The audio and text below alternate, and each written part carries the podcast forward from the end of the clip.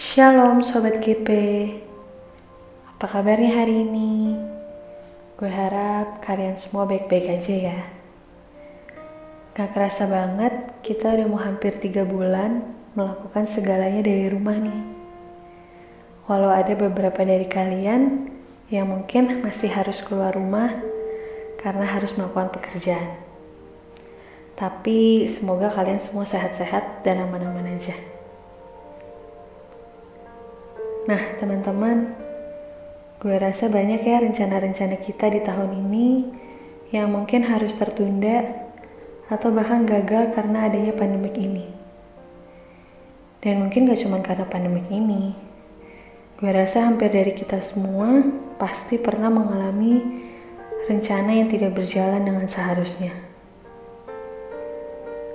Dan itu pasti yang kadang buat kita kesel atau kecewa. Tapi teman-teman pernah menyadari nggak? Kalau sebenarnya mungkin Tuhan bukan menggagalkan, tapi Dia lagi mau buat rencana yang lebih baik dari yang sudah kita buat. Yuk kita dengerin episode 2 rebahan kali ini. Kita renungin bareng-bareng rencana Tuhan buat hidup kita. Selamat rebahan.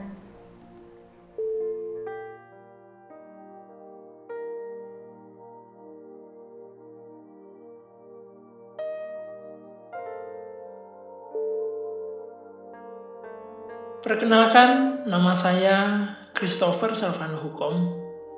Saya biasa dipanggil Vano dan saya merupakan presbiter di GPIB Jemaat Oraet Labora di Serpong dan saat ini melayani di sektor pelayanan 4. Rebahan kali ini mengambil tema Redirection Why Not?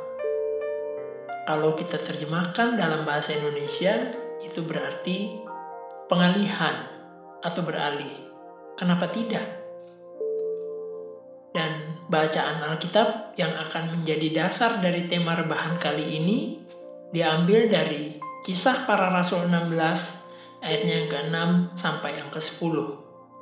Mari kita baca sama-sama Kisah Para Rasul 16 ayat 6 sampai 10. Mereka melintasi tanah Frigia dan tanah Galatia. Karena Roh Kudus mencegah mereka untuk memberitakan Injil di Asia. Dan setibanya di Misia, mereka mencoba masuk ke daerah Bitinia. Tetapi Roh Yesus tidak mengizinkan mereka. Setelah melintasi Misia, mereka sampai di Troas. Pada malam harinya tampak oleh Paulus suatu penglihatan. Ada seorang Makedonia berdiri di situ dan berseru kepadanya. Katanya, Menyeberanglah kemari dan tolonglah kami. Setelah Paulus melihat penglihatan itu, segeralah kami mencari kesempatan untuk berangkat ke Makedonia. Karena dari penglihatan itu, kami menarik sebuah kesimpulan bahwa Allah telah memanggil kami untuk memberitakan Injil kepada orang-orang di sana. Teman-teman gerakan pemuda, setiap kita pasti punya sebuah rencana dalam menentukan masa depan kita. Soal pendidikan, soal pekerjaan, bahkan sampai urusan jodoh atau teman hidup. Saya yakin pasti kita semua membuat sebuah rencana. Apa agar apa yang kita inginkan dapat sesuai dengan apa yang kita harapkan. Tapi jangan lupa, ada sebuah ungkapan bahwa manusia boleh berencana, tapi Tuhan yang menentukan. Ungkapan ini sepertinya selalu berlaku dalam setiap langkah kehidupan manusia. Amsal 16 ayat 9 menyatakan demikian. Hati manusia memikir-mikirkan jalannya, tetapi Tuhanlah yang menentukan arahnya. Kalau kita lihat pada bacaan kita dalam kisah para rasul 16 ayatnya ke-6 sampai 10 sama-sama kita perhatikan bahwa keberhasilan hidup manusia sepenuhnya ditentukan oleh pimpinan Roh Kudus. Sebagai seorang Kristen yang percaya pada Yesus Kristus, juru selamat kita, kita harus yakini dan imani itu bahwa setiap langkah kehidupan kita dipimpin oleh Roh Kudus. Nah, begitu juga dengan pewartaan perjalanan pewartaan Injil yang telah membawa Paulus ke kota Listra. Itulah kota asal Timotius. Dengan latar belakang dan kesaksian hidup Timotius, Paulus sangat menyadari potensi anak muda itu akan menjadi rekan kerjanya. Hal itu bisa kita lihat dalam kisah para rasul 16 ayatnya yang pertama dan kedua. Sampai pada saat Paulus merekrut Timotius ayatnya yang ketiga. Dengan rekan kerja barunya, Paulus yakin bahwa pelayanan perwartaan Injil dapat lebih diperluas Injil segera diwartakan dari kota ke kota. Itu kita bisa lihat pada ayatnya yang keempat dan yang kelima. Semua keberhasilan itu tentu dikarenakan karena kepekaan dan ketaatan Paulus serta rekan-rekannya akan pimpinan Roh Kudus. Demikian juga ketika mereka taat kepada Roh Kudus pada saat Roh Kudus memberikan penglihatan baru. Inilah inti pembacaan kita. Di situ disebutkan bahwa Roh Kudus melarang mereka masuk ke Asia. Sebaliknya, mengarahkan mereka melihat ke daratan Eropa. Ayat 6 sampai ayat 9. Ketaatan mereka lah yang akan membawa Injil masuk ke dalam ke daratan Eropa. Kelak Injil itu akan tiba di kota Roma.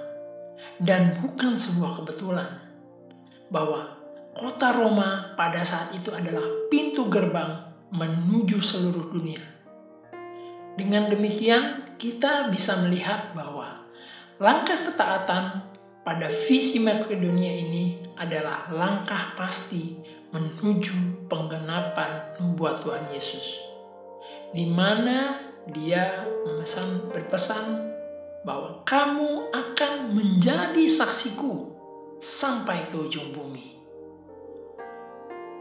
Teman-teman, gerakan pemuda dari pengalaman yang terjadi di dalam Alkitab pada pembacaan kita di atas, kita semakin dikuatkan untuk memiliki suatu pemahaman bahwa dalam kehidupan ini Tuhan yang menetapkan dan Tuhan yang memutuskan. Keputusan Tuhan melalui Roh Kudus adalah kehendaknya. Kita harus imani itu. Manusia dapat merancang dan merencanakan apa pun dalam hidupnya. Namun kita harus sepenuhnya menyadari bahwa keputusan ada pada Tuhan. Tuhan menetapkan apa yang akan terjadi menurut kehendaknya.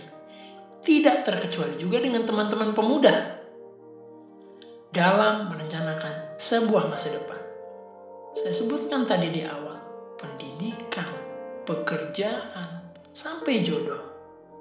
Pasti teman-teman punya rencana, tapi teman-teman juga harus mengimani Tuhan yang berkuasa dan Tuhan yang menentukan. Penjelasan ini sekaligus menjadi nasihat yang sangat berharga bahwa apa pun rancangan dalam hidup ini hendaknya berpaut dan seturut dengan rencana keselamatan Allah. Bagaimana kamu dapat menyerahkan rencana kamu kepada Allah hari ini? Bagaimana kamu dapat mendengar lebih mendengarkannya ketika dia menyatakan rencana-rencananya bagi kamu. Manusia boleh berencana, tapi Tuhan yang menentukan dan Tuhan yang menetapkan. Pandangan yang sangat kaya sekaligus menjadi nasihat yang sangat berharga ini membuat kita menjauhkan dari rencangan dan pemikiran yang berlawanan dengan kehendak Allah. Marilah kita rancang dalam kehidupan ini apa yang baik dan mendatangkan kesejahteraan bagi manusia dan ciptaan lainnya. Jikapun terjadi apa yang di luar pemikiran dan perkiraan kita, marilah itu kita terima. Dan mari mencari kehendak Allah dalam situasi yang kita alami. Tuhan selalu memutuskan apa yang terbaik untuk kita. Rekan-rekan GP, bacaan dan renungan yang sudah kita ikuti bersama, kiranya menjadi landasan bagi teman-teman dan bagi kita semua dalam menjalani masa muda. Masa muda, masa untuk mencari identitas diri. Masa kita mencari masa depan kita. Masa untuk kita merencanakan, merencanakan semua apa yang kita inginkan di masa depan kita. Dan hendaknya semua itu kita pertaruhkan di dalam nama Tuhan Yesus. Kita harus percaya bahwa Tuhan selalu punya rencana indah yang mungkin saja kita tidak pernah tahu sebelumnya dan kita tidak pernah menyangka. Tapi tetaplah percaya bahwa Roh Kudus yang akan menuntun kita dalam setiap rencana kita yang kita buat dalam kehidupan ini. Teman-teman, tetaplah selalu berdoa dan yakinlah bahwa Tuhan pasti memberikan yang terbaik untuk kita. Tuhan Yesus memberkati.